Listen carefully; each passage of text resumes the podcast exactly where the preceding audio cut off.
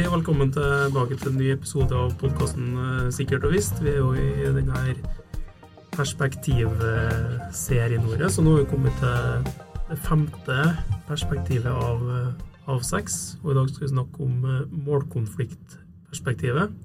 Så Ja. vi har fortsatt med oss en gjest, Trond. ja, vi har det. Vi er så heldige at vi òg den gangen her, som i denne den første episoden av denne serien, eh, Ragnar Rosnes er med oss. Ja. Eh, Du har ikke, du har ikke sittet her siden den første episoden. Jo, det har jeg. Ja. Nei, vi skal altså se litt spesielt på målkonfliktperspektivet. Og det er jo sånn at eh, det er jo kjent for oss alle sammen at vi det er jo noen motstridende mål også i hverdagen. Vi skal jo på en måte rekke forskjellige ting, og vi prøver å gjøre det beste ut av eh, de motstridende målene som vi, vi møter på. Eh, Men det er jo også et sikkerhetsperspektiv, da. Altså at eh, Og det er jo eh, Jens Rasmussen som eh, ja, kanskje er i hvert fall en av de som er mest kjent eh, og har på jobba med dette målkonfliktperspektivet. Han har jo jobba ut noen modeller òg, spesielt det som er migrasjonsmodellen. Eh, som er mye brukt da, å forklare hvordan målkonflikter kan få betydning for sikkerheten i eh, organisasjoner og virksomheter. Eh, Men jeg vet ikke, i, i rapporten Ragnar, så, så skiller dere litt mellom det her med det å, det å ta eh, Altså at man løper, løper en risiko versus det å på en måte ta en kalkulert eh, risiko. Ja. Eh, vet ikke om du kan si litt om hva som måtte skillet der? Eh, Skillet går jo på at hvis du tar en risiko, Mm. så vet du at det kan gå galt. mm, Du har en brukbar forestilling om hvor stor faren er for at det kan gå galt. mm, Og du vet også om at det finnes sikrere alternativer. mm, mm, Da, da, da, da tar du en risiko. Det er en kalkulert risiko. mm, Hvis du løper en risiko, så er ikke de forholdene til stede.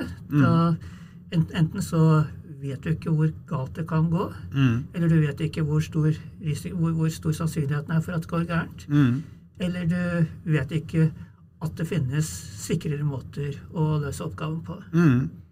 Nei, så ser jeg at Dere refererer jo en studie i rapporten som kikker litt Jeg tror det var skipsulykka som Ja, man Det eh, er uh, Vaginar og Gruneweg, Ja. hvis vi uttaler navnet på norsk og ikke på nederlandsk. Ja.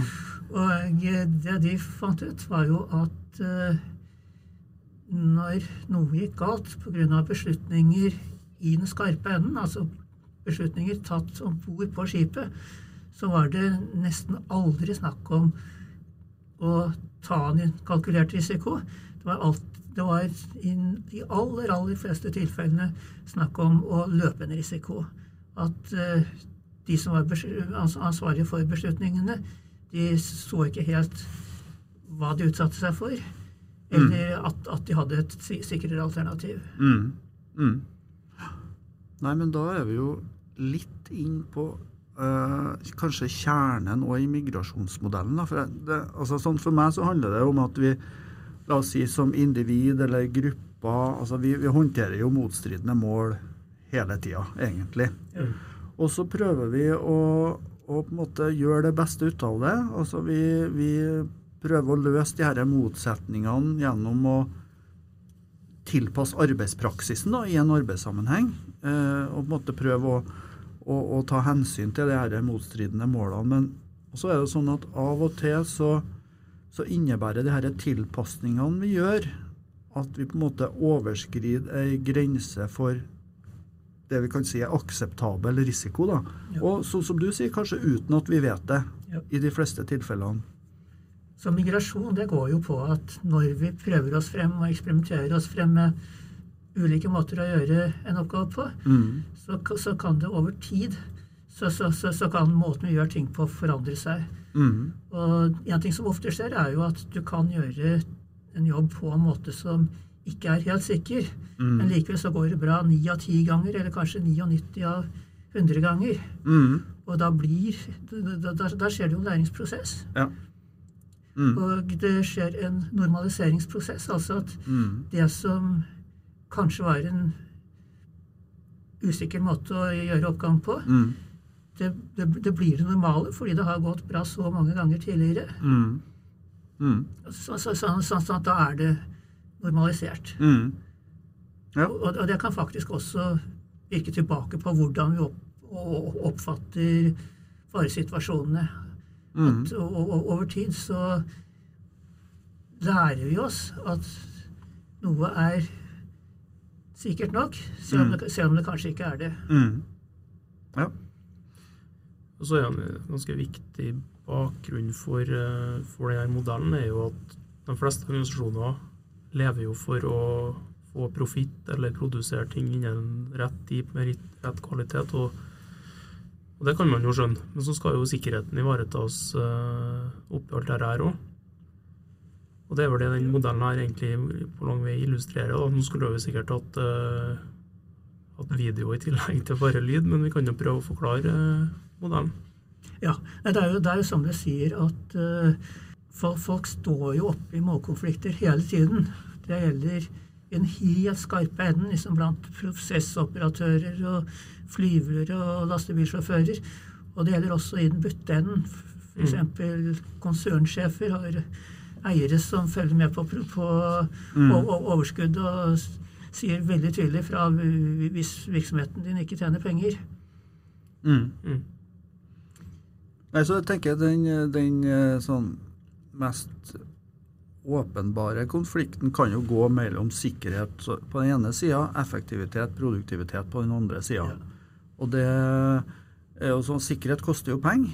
eh, og det, det kan jo på en måte Samtidig så må jo bedriften overleve sånn økonomisk sett. Så det er jo og jeg ser jo Rasmussen han har jo på en måte laga det her som på en måte laga seg et felt med noen grenser. Det er jo sånn på en måte han illustrerer modellen. Mm. Og der de på en måte grensene er de motstridende målene, og så prøver man å tilpasse arbeidspraksisen sin inni det feltet der du har de motstridende målene. Eh, så kanskje vi kunne sagt litt om hva de grensene er for noe? Altså hva er det på en måte grensene mot det feltet der man kan tilpasse arbeidspraksisen sin? Ja, og den ene grensen, det er jo det vi nettopp snakket om, at uh, ting må fungere uh, forretningsmessig. Mm, Altså, du, de, jobben må gjøres effektivt nok ja.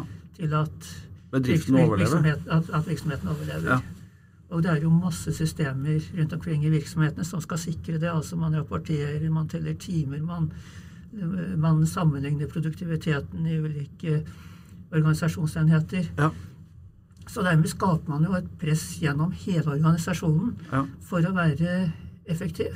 Mm, Eh, Så er det Og, og eh, det vil jo være en grense som man ikke kan gå over uten at det blir for dårlig effektivitet. mm, Slik at potensielt hele virksomheten kan gå konkurs, da, for å sette ja, på ja, spissen. ja.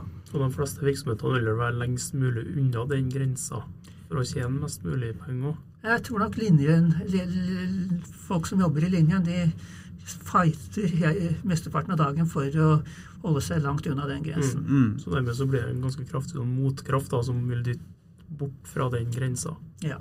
mm, Og så er det en annen grense som, som, som går på dette med at eh, individene ønsker seg en arbeidssituasjon som de kan leve med. mm, Ikke for mye press, ikke for mye stress, ikke for tungvint. mm. Og mm. Og kanskje heller ikke for lite, for da blir det jo kanskje kjedelig. det, kan også, det, det, det kan også skje. Er, er, er, er du sjåfør, så er det kanskje slik at du innimellom setter opp farten rett og slett for, å, for, for, for at det skal bli litt, litt, litt grann artigere å kjøre. Ja.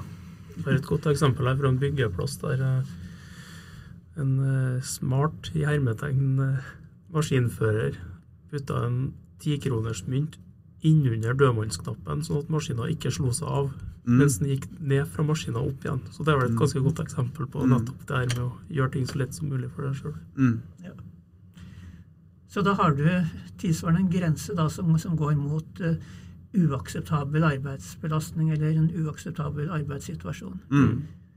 Og så har vi den tredje og viktige grensen, som da går mm, mot en situasjon hvor sikkerheten ikke er ivaretatt. Ja. Mm. Og uh, Mm. Så da har har man tre grenser egentlig som måtte definere et felt. For et triangel, da, Ja. egentlig, ja. ja. kan du si. Mm. Ja. Og eh, ut fra denne, denne logikken da, så er, så er det jo slik at så lenge aktørene holder seg inni dette tri- triangelet, så lenge de ikke krysser disse grensene, så er alt vel og bra. Mm. Og det betyr at du kan løse oppgavene på ulike måter Mm. og bevege deg rundt omkring inni den trekanten. Mm. Og uh, det, det, det skjer uten at sikkerheten er truet. Mm. Så man eksperimenterer på, med måter å på en måte tilfredsstille de her motstridende målene, da, for å kalle det. Kan man si det? Ja. Ja, helt klart. Mm. Og så det som da kan skje, det er at uh, over tid så kan disse eksperimentene føre til, at, til migrasjon, som Rasmussen kaller det. Altså at måten du gjør ting på, det beveger seg fra i en del av trekanten og mot en annen del. Mm. Og hvis det er mye press på produktivitet, Mm. eh, hvis det er eh, sterke insentiver knyttet til dette med arbeidsbelastning Mm. og eh, lite motpress som går på sikkerhet, så vil arbeidsutførelsen migrere. Den vil bevege seg gradvis i retning av grensen mot uakseptabel risiko. Ja. Og sannsynligvis uten at man nødvendigvis vet det. Ja. Det Rasmussen vil med modellen, det er å få oss til å interessere oss for hva skjer når aktørene nærmer seg grensen for uakseptabel risiko. Mm. Han er ikke så veldig opptatt av at man skal tvinge folk til å gjøre jobben på akkurat samme måte hver gang. Det er ikke Mm. nødvendig at for folk liksom står stille på ett sted i den trekanten. Mm. Men uh, det viktige er hva skjer når du nærmer deg grensen for Mm. uakseptabel risiko. Mm. Og et spørsmål der er jo rett og slett Vet aktørene at det er en grense der, og vet de hvor den grensen er? Mm. Ja. Og klarer de å avdekke hvor de selv befinner seg Ja. i forhold til den grensen? ja. Mm. Ja, Det der er jo veldig interessant. For det er klart at hvis man ikke vet, vet at man måtte bevege måte beveger seg over ei grense, så må man jo på en måte ha noen strategier for å for å finne ut hvor det er man befinner seg hen. Eh, Så spørsmålet er hvordan i verden kan vi gjøre det? Hvordan kan vi finne ut at vi måtte begynne å nærme oss ei grense for akseptabel risiko? Det vil jo variere enormt fra system til system. Mm. Altså Kjører du bil, så går du det setter fartsgrensene. Mm. Og så kan, kanskje også kjenner du litt grann etter om bilen ligger støtt på veien. Mm. Og eh, du merker kanskje at ti- ti- ting rundt deg begynner å skje så fort at nå har jeg ikke helt kontrollen. Ja. Mm. Og jeg husker det var jo en BMW-modell en gang på slutten av 1900-tallet Mm. som var sånn at den lå klistra til veien Mm. helt til den slapp. Mm. Så folk oppdaget jo veldig brått at de var passert grensen for eh, akseptabel risiko. Mm. Og da de oppdaget det, da var de allerede i grøfta. Ja. Så, da, Ja. så da gikk det ikke an å komme tilbake. Nei. Ikke noe forvarsel. Ikke noe forvarsel og ingen mulighet for å ta seg inn. Mm. Og det er jo det andre, det er, det er jo det andre punktet som Rasmussen er opptatt av. Altså, Mm. hvis du forviller deg over denne grensen, Mm. er det da mulig å komme tilbake igjen? Mm. Ja. Og da har vi, har, vi har jo noe i verktøykassa også, som på en måte blir brukt da, i en del virksomheter. Altså det er helt sånn, Et konkret ting er jo alarmer, f.eks. i kontrollrom, som eh, dere vel også snakker om i rapporten. Eh, eh, eh, en annen ting kan jo være indikatorer, sikkerhetsindikatorer. som Type forutseende sikkerhetsindikatorer, først Ja. og fremst. da. Ja. Mm. Og du har òg revisjoner, altså sikkerhetsrevisjons- og revisjonsopplegg. Altså Det kan jo være interne sikkerhetsrevisjoner. eller Inspeksjoner. Inspeksjoner av eh, tilsynsmyndigheter eller andre som kanskje kan måtte gi noe innspill på at her, eh, her er det kanskje en, eh, ikke en helt ideell balanse i forhold til de målene som vi har snakka om. da. Mm. Da er det litt fristende å hoppe tilbake til det med alarmer. Ja. For det illustrerer jo et av poengene til Rasmussen. Mm. Det er jo en del prosessanlegg rundt omkring hvor det er veldig mange falske alarmer. Ja. Og eh, over tid så kan det føre til at prosessoperatørene lærer seg at når denne alarmen går, Mm. så betyr det egentlig ingenting. Det er bare en falsk alarm. Mm. Og eh, da lærer man seg til å kvittere ut alarmen Mm. og ikke gjøre noe mer. Mm. Og det blir den nye normalen. Mm. Og så kommer dagen når det viser seg at dette var alvor. Ja, Mm. akkurat. Men kan vi tenke oss det samme prinsippene her på For nå snakker vi jo veldig individnivå, egentlig, men kan vi tenke det samme på gruppenivå, organisasjonsnivå? Helt klart. Og eksemplene dine illustrerer jo det. altså Du nevnte sånn som sikkerhetsrevisjoner Mm. Mm. og sikkerhetsindikatorer. Mm. Som er på en måte organisatoriske tiltak, på en måte. Som en del av sikkerhetsstyringa, som da blir på en måte en type motkraft, eller hva man skal si. Og et, et middel til å, kanskje også et middel til å avdekke hvor befinner organisasjonen seg Mm. i forhold til grensen for akseptabel risiko. Mm. Eh, Det dere òg er inne på i rapporten, er jo det her med interaksjonseffekter. Altså at eh, Hvis vi snakker på individnivå, da, så kan jo på en måte Altså Denne grensa er ikke nødvendigvis absolutt og objektiv og gitt til enhver tid, men på en måte er eh, hva skal kalle det, dynamisk i forhold til forskjellige aktiviteter som forskjellige personer gjør. Ja, og da er vi på, på, på liksom det temaet som går på distribuert beslutningstaking. Altså man Mm. har flere aktører som arbeider mot det samme systemet Mm. og tar beslutninger. Mm. Og de beslutningene kan på et eller annet tidspunkt påvirke hverandre. Mm.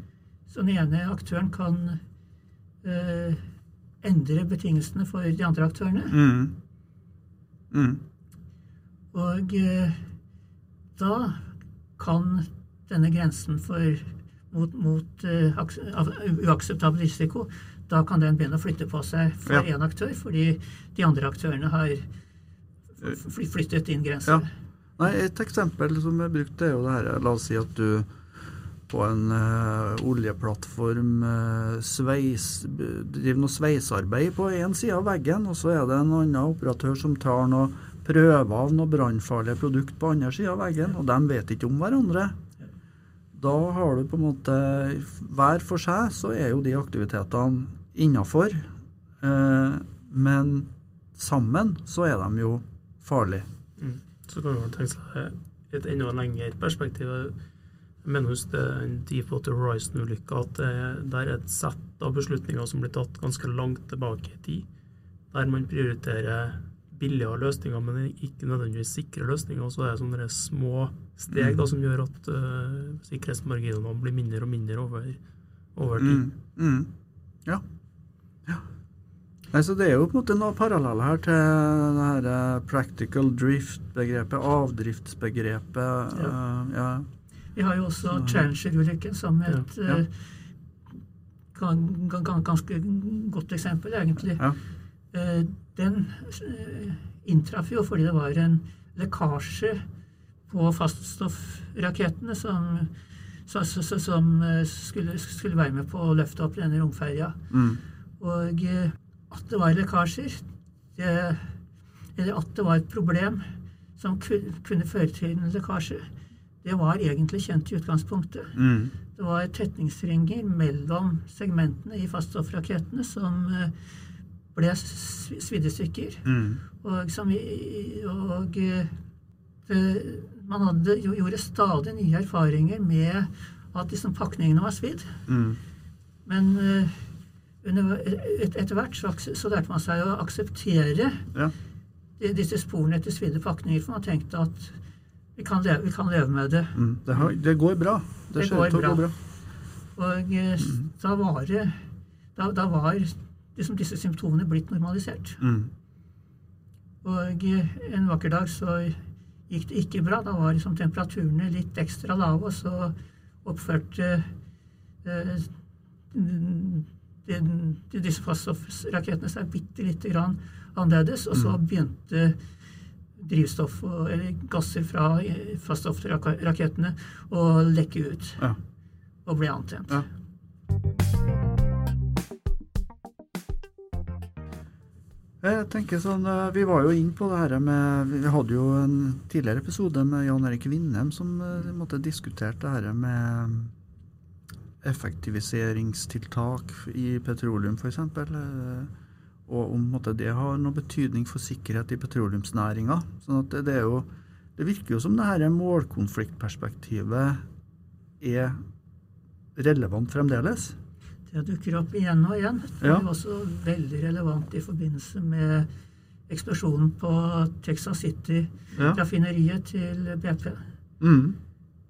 Mm. Og der gikk det faktisk an å følge effektene av eh, ledelsens, konsernledelsens inntjeningskrav Mm. nedover i systemet. Mm. Og se liksom hvordan det førte til at uh, de lokale lederne på Texas City fikk mindre å rutte med til å vedlikeholde systemet, til Mm. å bygge skikkelige barrierer Mm. mot ulykker, Mm. til å lære opp folk skikkelig, Mm. og til å holde seg med kom- kom- kompetanse på prosessikkerhet. Ja. Og så kunne du spore det enda videre på liksom å se at man laget en situasjon hvor kontrollromsoperatørene ikke var i stand til å håndtere situasjonen. Mm. Man hadde et system som eh, så, som manglet fakkel Mm. hvis du fikk, eh, vi- vi- hvis du fikk eh, overstrømming av, av, av- av brennbare materialer. Mm. Og, og da, da, da hadde du egentlig veldig mange av de ingrediensene du trengte Mm. for å lage en storulykke. Mm. Mm. Ja. Men det som ofte er utfordringen, det er jo å følge sporet fra beslutningene på toppnivå i organisasjonen, også alle Mm. trinnene nedover til de konkrete forholdene som utløser en ulykke. Mm. Og der hadde vi veldig god hjelp av at Texas City-ulykken var veldig grundig etterforsket. Ja. Mm. Jeg tenker, du Erik, du har vært, litt opptatt av at eh, det her med effektivitet og sikkerhet ikke nødvendigvis trenger å måtte være i motsetning til hverandre. Altså at det kan være aktiviteter som både kan bedre effektiviteten, men også bedre sikkerheten. Virksomheter eksisterer jo først og fremst for at de skal overleve eh, økonomisk. De skal levere varer som avtalt, avtalt eh, kvalitet. Så det ideelle er jo at man får en sikker verdiskapning. Og så eh, vil man jo selvfølgelig stå i situasjoner der det vil være i, være i konflikt òg. Men jeg tror ganske mye kan gjøres gjennom eh, god planlegging, god tilrettelegging, sånn at man kan gjøre jobben både effektivt og med riktig kvalitet, samtidig som man gjør det, gjør det sikkert. Og eh, jeg ser jo i bygge, byggenæringa, for å ta et eksempel, så eh, er jo mye av både sikkerhet og framdrift ivaretatt gjennom møtestrukturer, som igjen er basert på de planene som er lagt, da, helt til, til morgenmøter som man har daglig med dem som skal utføre arbeidet, der man går gjennom hva som skal gjøres i dag Mm. eh, tar hensyn til parallelle aktiviteter, jo, som, som kan være en sikkerhetsutfordring, men ikke minst at de må samtidig snakke om hva som kan gå galt i dag, hva skal vi gjøre for å gjøre, Ja. Gjøre dette arbeidet sikkert. Og så er på en måte den samme tankegangen videreført i resten av møtestrukturen på Mm. ukentlige basemøter byggemøter Mm. osv. Så, videre. så, det, Mm. så det er jo mulig, og det, hvis man relaterer det her til den modellen vi har snakka om, da, triangelet, så er jo de tiltakene der vil jo på en måte være med å redusere den krefta som presser bort ifra den grensa for økonomisk eh, kollaps. Jeg har jo sagt det her før at eh, rapporten er jo fra 2010, og det har jo skjedd ting, ting i forskningsverdenen eh, siden den gangen. Og det er vel en del eh, av de teoriene, litteratur som er skrevet de siste årene, som lett kan spores tilbake til, til Rasmussen og den migrasjonsmodellen. Ja. Nei, altså, vi, vi skal jo snakke om uh, resilience uh, engineering neste gang. Uh, et prinsipp der, og ei bok òg, som er skrevet av Erik Holdnagel, er jo etto-prinsippet. Altså efficiency, thoroughness, trade-off. Mm. Altså at du, du, har Det er på en måte en målkonflikt mellom effektivitet og, og, sikkerhet, da. Sånn at Det går liksom på individnivå, gjør ikke at hver enkelt ønsker å gjøre ting lettest mulig for seg sjøl, ja. at det kan gå på bekostning av, mm. av, sikkerhet. Og så mister man kanskje overblikket når det er mange som gjør små korrigeringer, så blir summen blir ikke helt bra. Mm. Nei, sånn at jeg tenker Rasmussen har jo satt spor etter seg og i forhold til de andre perspektivene her, da, kanskje spesielt uh, resiliens, da, men også mm. andre, kan du si, teoretikere og andre folk som har skrevet mye innenfor sikkerhetsfeltet. Mm. Jeg har jo nevnt det her med avdrift, var vi jo inne på så vidt her i stedet, og kan jo lett kobles til det, samme modell der. Mm. Avdrift blir jo langt på vei det samme som Rasmussen kaller migrasjon. Mm. Ja. Mm. Så det er, en, det er, en, forsker som har satt dype spor etter seg. Veldig. Mm. Men hvis vi skal sånn avslutningsvis si noe om eh, sånn praktisk Hva vi praktisk kan ta med oss fra eh, målkonfliktperspektivet, så tenker jeg i hvert fall på én ting, og det er det her med grensebevissthet. Altså det, å, det at man, eh, som vi har snakka om, vet egentlig hvor vi befinner oss innenfor det dette feltet. Og da er det jo ulike måter vi kan gjøre det på. Altså å skape den her grensebevisstheten. Det kan jo være tekniske løsninger som skal til noen ganger. Mm. Eh, det kan være at man rydder opp i tekniske løsninger, at man kvitter seg med falske alarmer. Mm. Så kan det gå på kompetanse. At folk lærer seg å, å finne ut hvor, hvor går grensen, hvor befinner jeg meg i forhold til grensen. Mm. Og kanskje også at de lærer seg hvordan de redder seg inn igjen hvis de har kommet på den gærne siden av grenseflaten. Mm. Så kanskje handler det også mye om at folk rett og slett snakker sammen. Altså at man måtte bli bevisst de avveiningene man sjøl gjør, og de avveiningene man gjør som arbeidslag eller, eller, eller gruppe.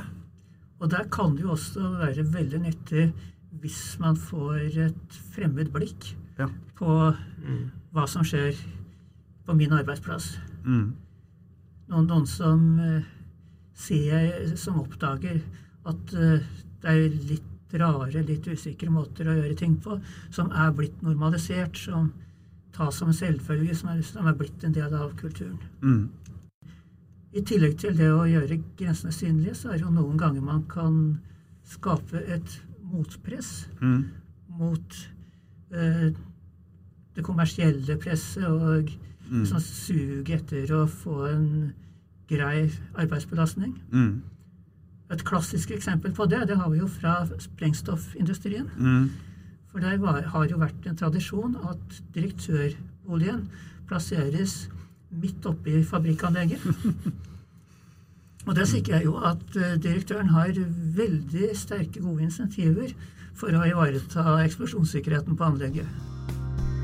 Takk for uh, besøket, Ragnar. Takk for Det det. er bestandig hyggelig å besøke deg. Og så da sier vi bare takk for oss. Takk for oss, og fortsatt ikke forhånd holdes.